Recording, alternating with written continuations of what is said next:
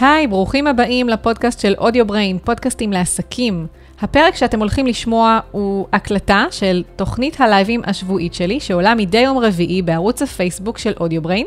בכל לייב אני לוקחת נושא אחר שקשור בהפקת פודקאסט ואני מקדישה לו בין 20 דקות לחצי שעה. שם הפרק בפודקאסט הוא כשם נושא הלייב השבועי. את כל הקלטות הלייבים, פלוס סיכום כתוב של הנקודות העיקריות, תוכלו למצוא באתר של AudioBrain בכתובת audiobrain.co.il בתפריט וידאוים. אז אני מקווה שתהנו מהפרק ותפיקו ממנו ערך. ונעבור להקלטת הלייב. האזנה נעימה. ובוקר טוב, אנחנו בלייב נוסף של AudioBrain, הלייב השבועי, כמו בכל שבוע. אני עולה ללייב ומדברת על נושא אחר שקשור לפודקאסטים, והיום אני אדבר איתכם על איך להיפטר מהדהוד שנגרם אה, ובעצם נכנס לתוך ההקלטה של הפודקאסט וגורם לנו ככה באמת שההקלטה תהיה פחות נעימה לאוזן ופחות איכותית. אה, לפני שאני אה, ככה אתחיל, אז אני אציג את עצמי למי שעוד לא מכיר, אני דנית בן דוד, אני היוצרת של פודקאסט על עקבים, פודקאסט על יזמות ואימהות, ושל מאחורי המיקרופון, שזה למעשה פודקאסט על מאחורי הקלעים של פודקאסטים ופודקסטרים ישראלים.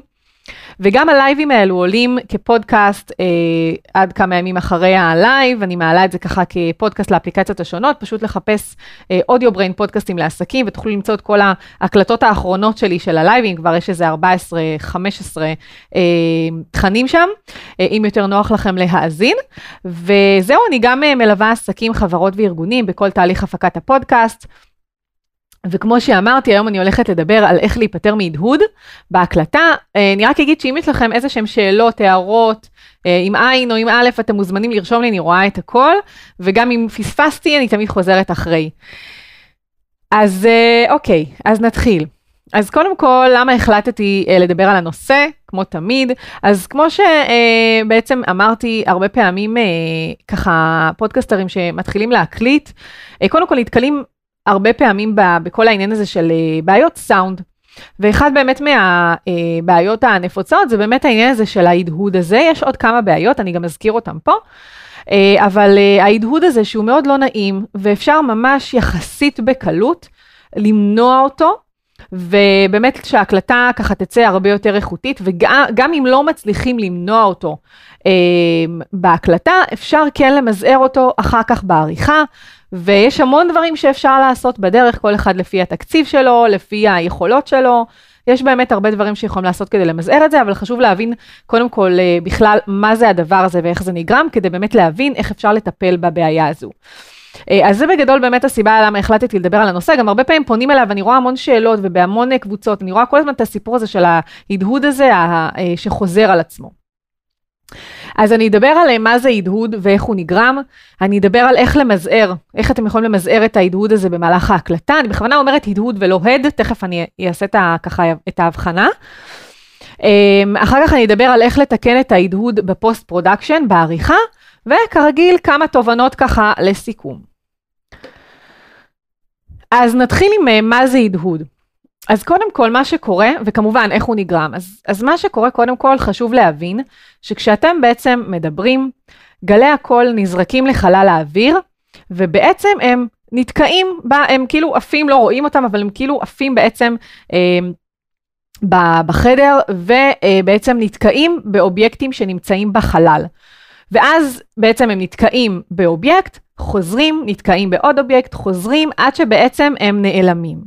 עכשיו, מה שקורה במצב הזה, אנחנו אמנם לא רואים את גלי הקול, אבל אנחנו כן שומעים את זה אחר כך בהקלטה. כי בעצם ברגע שגלי הקול אה, ככה נזרקים לחלל ונתקעים באובייקטים וחוזרים ונתקעים, אז זה נשמע בהקלטה כמין אה, הדהוד כזה, אוקיי? כמו מין הד כזה.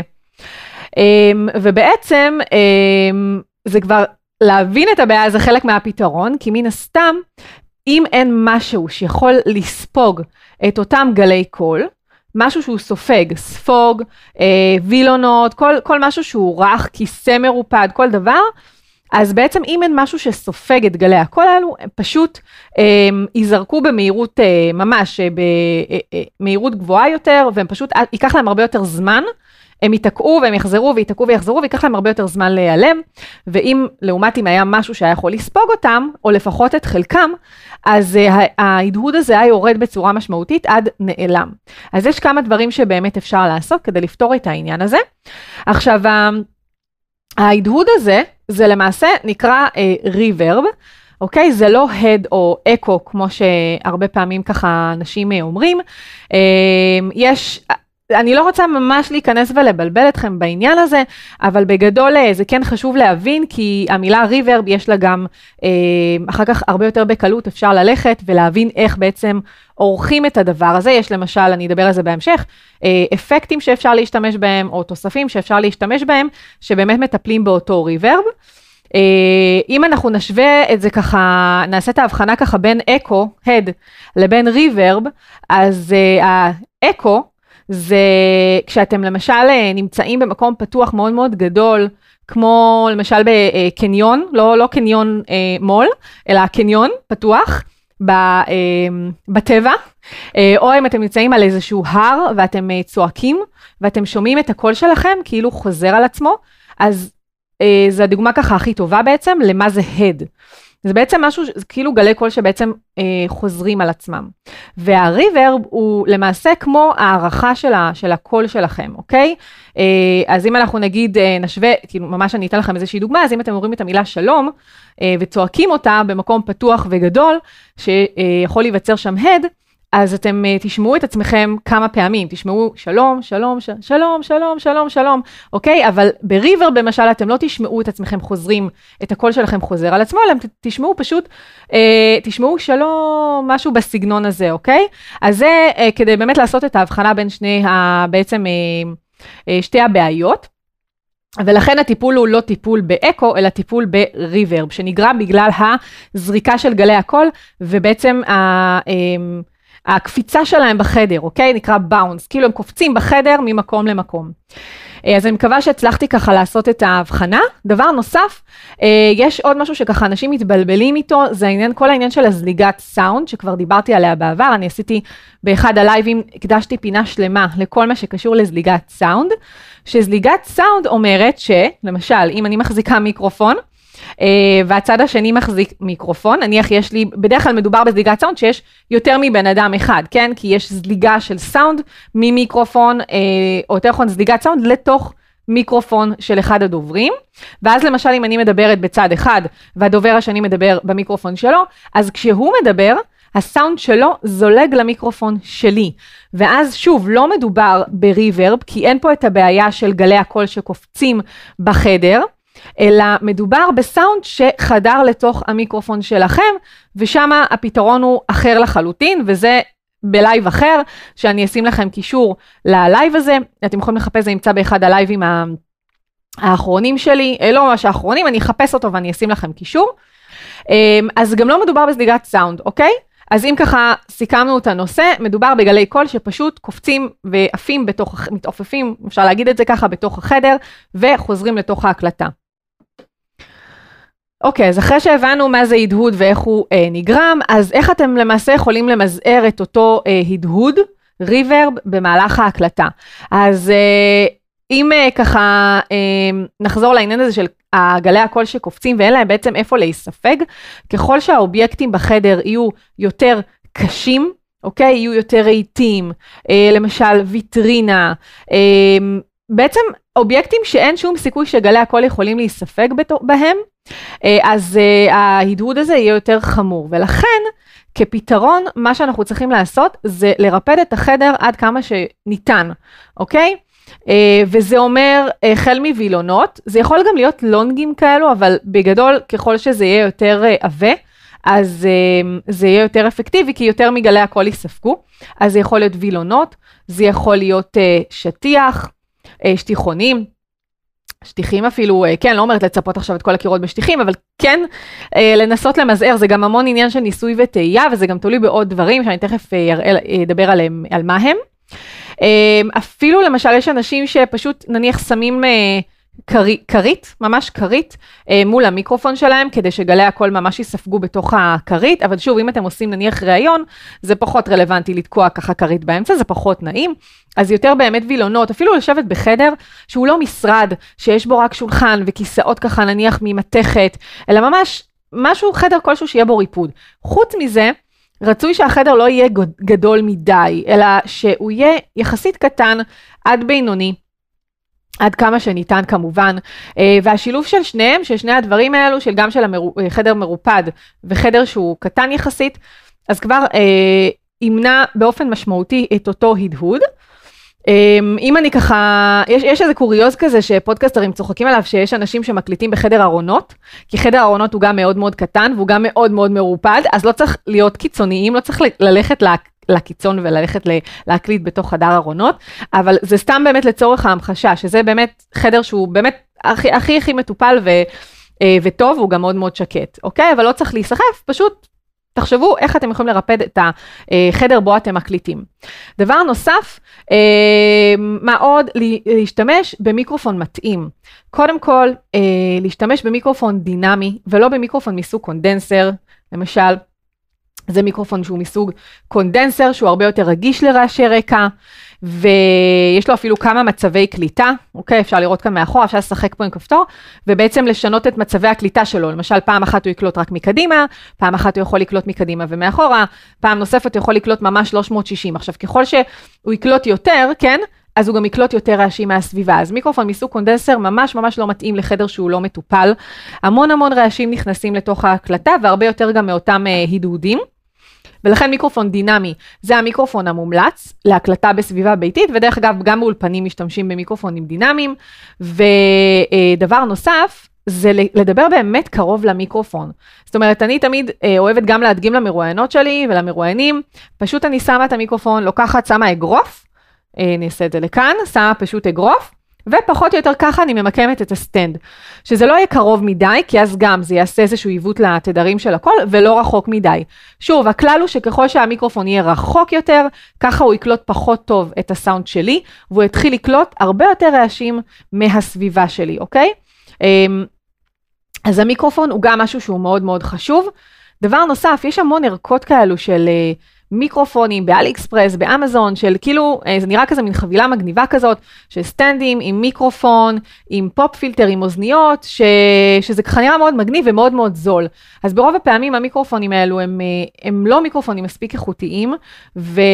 וזה גם מן הסתם מיקרופון שהוא לא מספיק טוב, לחלוטין יכול להשפיע על אה, איכות הסאונד שלכם ללא ספק, כן, אתם לא צריכים עכשיו ללכת לקנות את המיקרופון הכי איכותי שיש, כן, כן, אם תקנו מיקרופון מאוד מאוד מאוד איכותי ויקר, אתם כנראה תשמעו הבדל, אבל אנחנו לא צריכים, לא צריך להיסחף, לא צריך ללכת עד ולקנות מיקרופונים באלפי שקלים. זה באמת מספיק, אני מקליטה עם מיקרופון אה, שעולה סביב ה-250 שקלים, מיקרופון דינמי, ויש לי גם את המיקרופון הזה של שור SM58, שהוא אחד המיקרופונים הכי פופולריים אה, לשירה, כל הזמרים משתמשים בו, והוא מיקרופון מעולה, הוא עולה סביב 600 שקלים, ואין שום סיבה להוציא אה, אלפי שקלים על מיקרופון.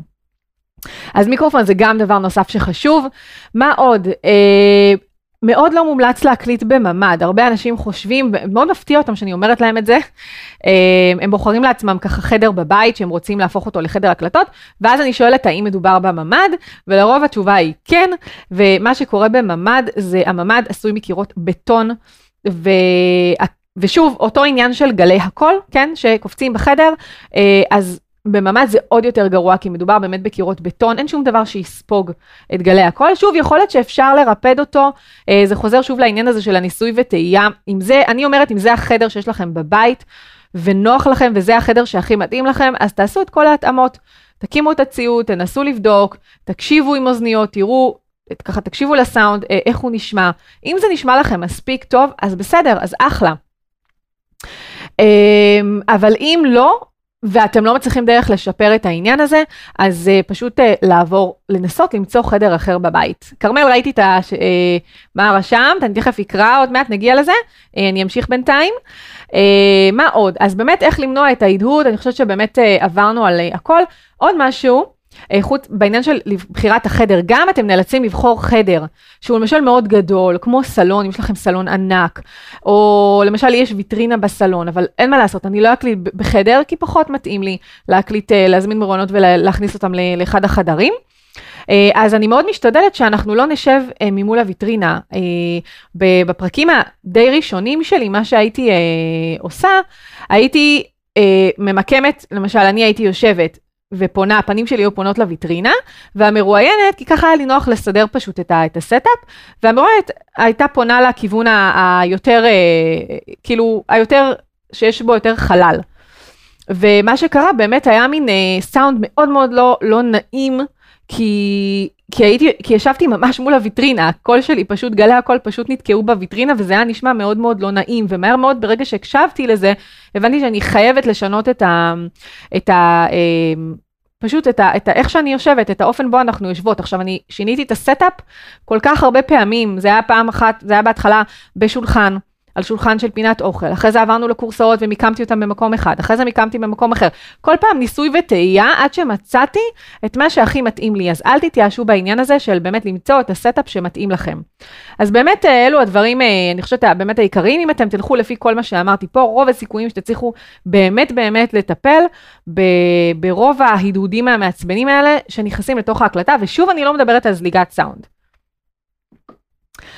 אוקיי, okay, אז אחרי שעשינו את הכל, דרך אגב, אני תמיד ממליצה, אמ, וזה תמיד נכון, לשאוף לכך שההקלטה תהיה כמה שיותר איכותית, ממש ברואו, זאת אומרת, הקבצים המקוריים יהיו כמה שיותר איכותיים, כי כל עריכה שתעשו יכולה לפגוע בסאונד שלכם, יכולה לפגוע באיכות של הסאונד, בכיפיות של ה... של ה של הכל, אוקיי? עכשיו, אין מה לעשות, לפעמים נצטרך לעשות אה, noise reduction, לפעמים נצטרך אה, אה, לעשות כל מיני התאמות, כל מיני שיפורים, אבל אה, לשאוף תמיד לכך שההקלטה תהיה כמה שיותר טובה, ולא לשמוע שיש בעיה ולהגיד, טוב, לא נורא, נסדר את זה אחר כך בעריכה, כי בדרך כלל, במיוחד כשאין מספיק ניסיון, וידע ותוכנות מתאימות, אז אה, זה רק בדרך כלל מחרבש. ואז פשוט חבל, זה צריך או להוציא את זה החוצה לעורך חיצוני, פשוט או פשוט להקליט מחדש, או פשוט להגיד זה מה יש, ועם זה אנחנו נחיה.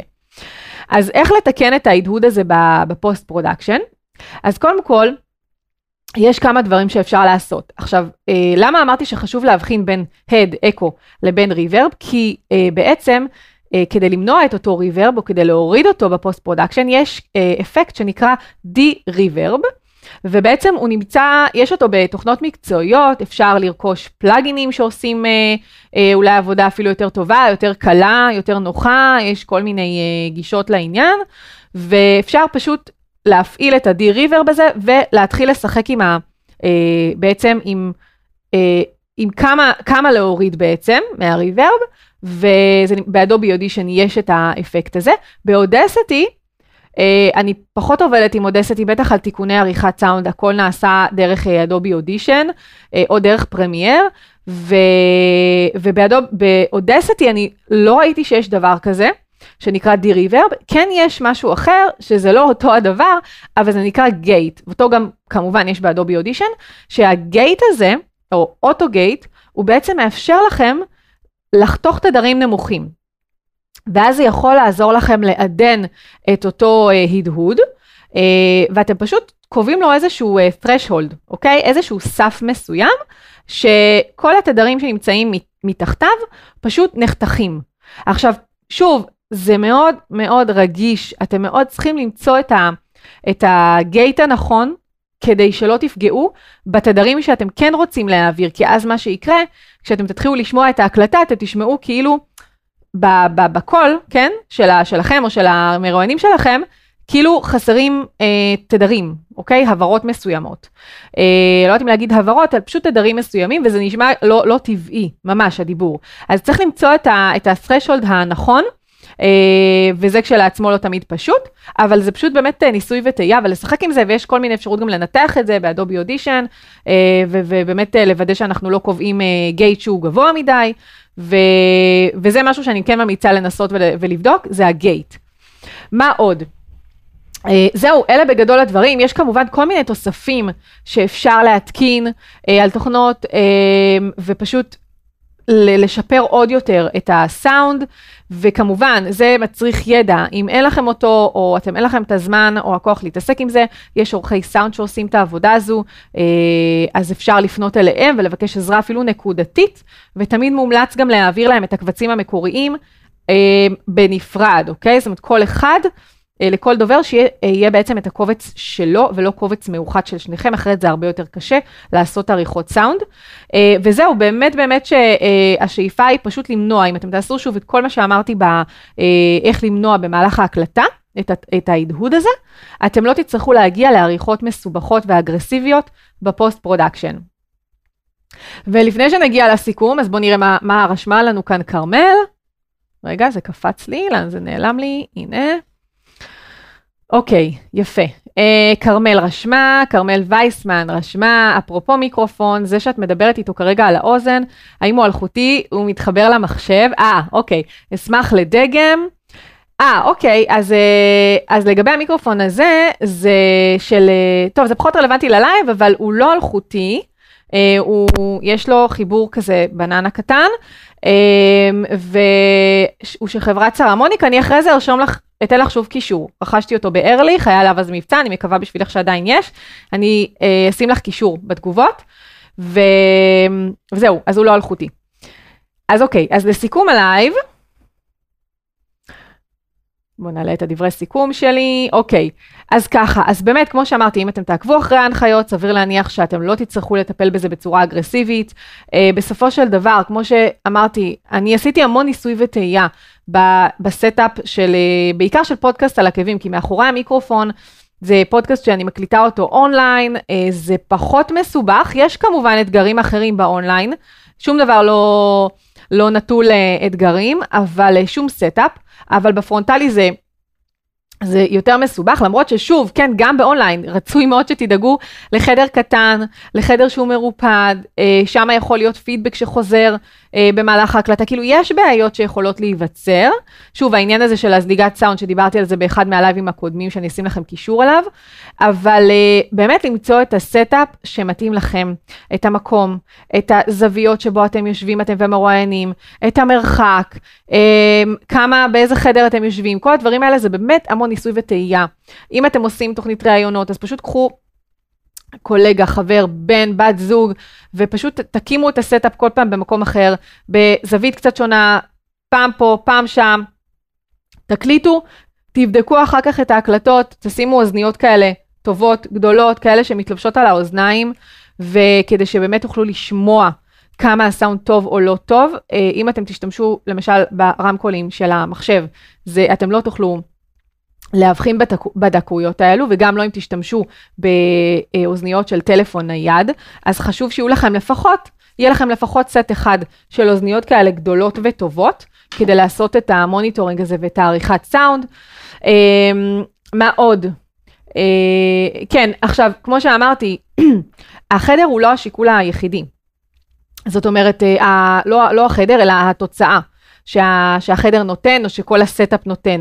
כי בסוף, אם התוצאה הכי טובה היא תהיה בחדר השינה שלכם, אבל אתם לא יכולים להזמין לשם אנשים, כי זה לא נעים לשבת בחדר שינה ולהקליט, ויותר נוח לכם דווקא כן להקליט בסלון או בממ"ד, אוקיי? כי שם אתם יכולים למשל, נניח בממ"ד, להשאיר uh, בחדר עבודה, להשאיר את הציוד פתוח, וזה חוסך לכם המון זמן, זה גם שיקול חשוב, אוקיי? סליחה. זה שיקול מאוד מאוד חשוב, שיכול לעזור לכם גם אחר כך להתמיד עם הפודקאסט, כי אם אתם כל פעם תצטרכו לפתוח את הציוד מחדש ולארגן אותו, וזה יגזול מכם המון זמן, וזה יתיש אתכם עוד לפני שהתחלתם להקליט, אז לא עשיתם פה שום דבר. אז צריך תמיד למצוא את האיזון הזה, ולנסות באמת באמת למצוא את הסאונד שהוא הכי טוב במגבלות, ה... במגבלות שיש, אוקיי? אז באמת, אל, אל תהרגו את עצמכם עם, ה... עם העניין הזה.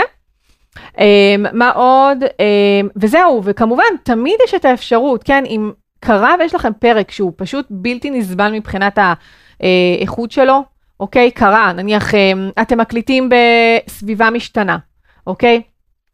אתם הולכים להקליט כל פעם במקום אחר, אתם מראיינים אנשים במשרדים שלהם, במתחמי עבודה, וכל פעם אה, יש לכם setup אחר ואתם כאילו מגיעים, ואתם כאילו כל פעם צריכים להיות מופתעים מחדש, אז, אה, זה יכול להיות עוד יותר מאתגר. אז אם קרה ויש לכם הקלטה שיצאה הרבה הרבה פחות טובה, מקסימום באמת אפשר לנסות לפנות לאורך סאונד, לקבל uh, הצעת מחיר, לראות כמה, uh, כמה זה יעלה.